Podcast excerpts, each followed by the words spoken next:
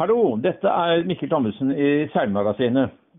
Eh, Og eh, vi skal nå snakke med vår lørdagsgjest, som er Håkon Lorentzen, eh, bosatt i Brasil.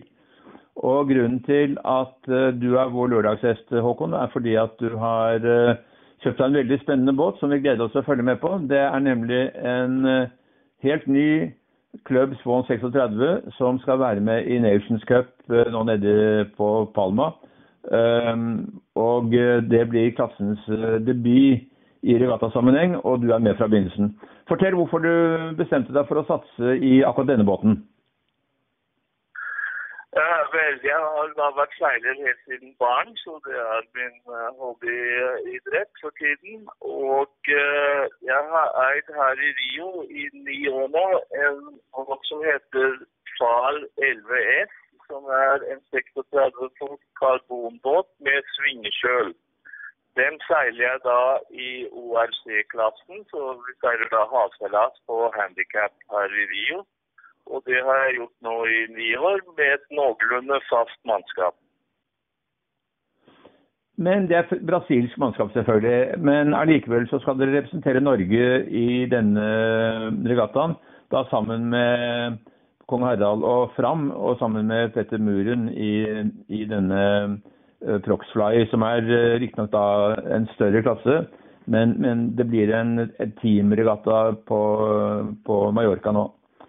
Um, du er jo ikke helt ukjent med seiling i Norge, det vet vi jo fordi at uh, du er jo i Norge om sommeren og uh, har jo seilt andunger bl.a. Og du var norgesmester i andunger tidlig på 70-tallet. Og, og, du har vært norgesmester i eh, H-båt. og når du nå driver seiling på helårstid i, i Rio, så må vi jo kunne forvente god innsats nå i denne regattaen som kommer. Men fortell litt om hele seilerkarrieren din. Hvordan begynte det? Vel, jeg har jo da uh, seilet på begge sidene av min familie, så det var ganske nok båt som barn. Så min første seilbåt var en A-jover som jeg fikk kanskje da jeg var åtte år gammel eller noe sånt. Uh, mine foreldre har landsted på Ostøen i Oslofjorden, og der tilbrakte vi da alle våre norske sommerferier. Så jeg begynte å seile i grunn så fort som jeg var uh, gammel nok til det. Uh, her i Brasil fantes ikke da optimistjolle på den tiden, men da seilte jeg i en plattform med het Penguin, som også var en barneklasse, bare at det var to om bord. Og så uh, gikk du videre, og, og, så vidt jeg forstår, så har du seilt i veldig mange klasser. Annet så har vi et bilde av deg i, i 49er med din kone Martha som mannskap. Så hun er også glad i å seile, da, tydeligvis? Ja, har et landsted på en uh, blodbølg som heter Ilja Grande, litt syd for Rio. Og uh, så, så fort 49eren kom på markedet, så støtte vi en for å bruke som leketøy. Så jeg har ikke vært med på en eneste regatta i 49er, men vi eide da den uh, i en del år. Det har jeg pensjonert meg fra. Jeg begynte å få større blåmerker enn feileglede. Det ble i en periode hvor jeg kanskje var fra 45 år til ja, nærmere 55, kan jeg tenke meg. Og nå er jeg 65, så det er litt for gammelt for å drive med fordinæringer. Men ellers har du seilt Soling og J24 og omtrent det som er i Brasil, da? Ja, Laser og 74, Soling og J24 er vel de klassene jeg har vært mest aktiv i her i Brasil. Bortsett fra å være mannskap da på min fars havseiler Saga i alle år. Og nå da i de siste ni årene har jeg hatt min egen havseiler. Ja, Vi må jo faktisk eh, skyte inn at Saga er jo en legende i internasjonal havkappseilas en av de få båtene som har vunnet Fastnet-race to ganger, stemmer ikke det? Det stemmer. Var du med på begge to? Nei, nå skal vi høre For det første. Vi vant overall én gang. Og vant klasse 1 faktisk tre ganger. Det året Saga vant OL, det var 1973. Da var jeg 19 år gammel, så jeg var ikke med. Jeg var med i England og så på osv. Og, så videre, og var faktisk med på seilasen eh, fra England tilbake til Brasil. Men fra og med 75 så var jeg med. Og Når vi først snakker om Saga, så må vi jo si at det er imponerende. Den båten blir jo seilt da mellom Rio og Oslofjorden hver sommer. Og, og, din far har jo vært med i Færdersklassen til han var 90 omtrent. Eh, stemmer ikke det? Jo, mer enn det faktisk. Jeg tror han var med i fjor, og da var han 95. Ja. Eh, så det er eh, trygt å si at seilsport ligger i familien. fordi på morssiden så har du da også en bestefar som har vært Eh, en av de mest aktive seilerne vi har hatt i Norge, og, eh, og da nåværende kong Harald som eh, fremdeles holder koken. Han er også gått over 80 år. Så eh, du har jo mange år foran deg, du, som aktiv seiler. Og eh, det er vel da grunn til å tro at du kommer til å satse litt da, i denne Swan-klassen? Forhåpentligvis. Jeg kommer til å holde på så lenge jeg holder ut. Men det er, og det er deg som styrer om bord. Hvor mange mennesker er det i besetninger? Vi er syv totalt. Akkurat. Jeg må jo også si, komme inn på det at eh, du er jo en ganske allsidig eh, idrettsmann, eh, og da særlig med ting som er på vann og flyr. Du driver også med bølgesurfing, altså ikke windsurfing, men bølgesurfing, sånn som vi forbinder det med Hawaii. Og det driver du med fremdeles? Det Bølgesurfing er også en veldig morsom eh, sport å drive med. Eh, når man vokser opp i Rio, så er det å surfe på bølgene er som å, lære å gå på ski i Norge. Så det får du med deg mer eller mindre fra morsmelken. Eh, nå er jo jeg i den alderen hvor jeg faktisk så bølgesurfing starte. Så de første liksom, skikkelige bølgesprettene man kunne stå på, kom vel hit til Rio når jeg var en 16 år eller noe sånt, så jeg var midt i blinken for, for min alder.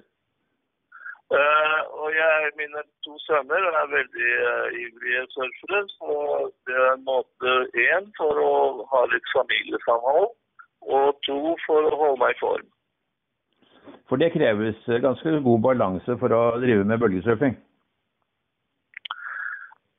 Balansen er ikke så stort problem. Problemet mitt er å padle. fordi at uh, Det krever litt, uh, litt, form også. Ja, for du må padle ut gjennom bølgene, selvfølgelig. Men til gjengjeld så bor du slik ja. at du kan omtrent surfe rett utenfor stuedøren?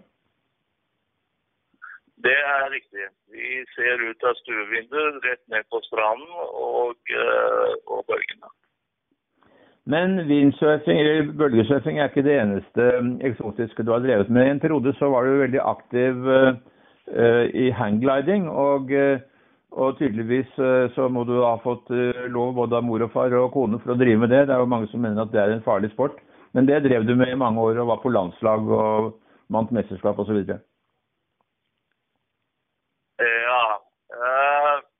Min kone var jo ikke da min kone når jeg begynte med dette. Hun var min kjæreste. Så hun var faktisk da eh, aktiv med å hjelpe meg og kjøre meg opp, opp fjellet og hente meg der hvor jeg landet og sånn.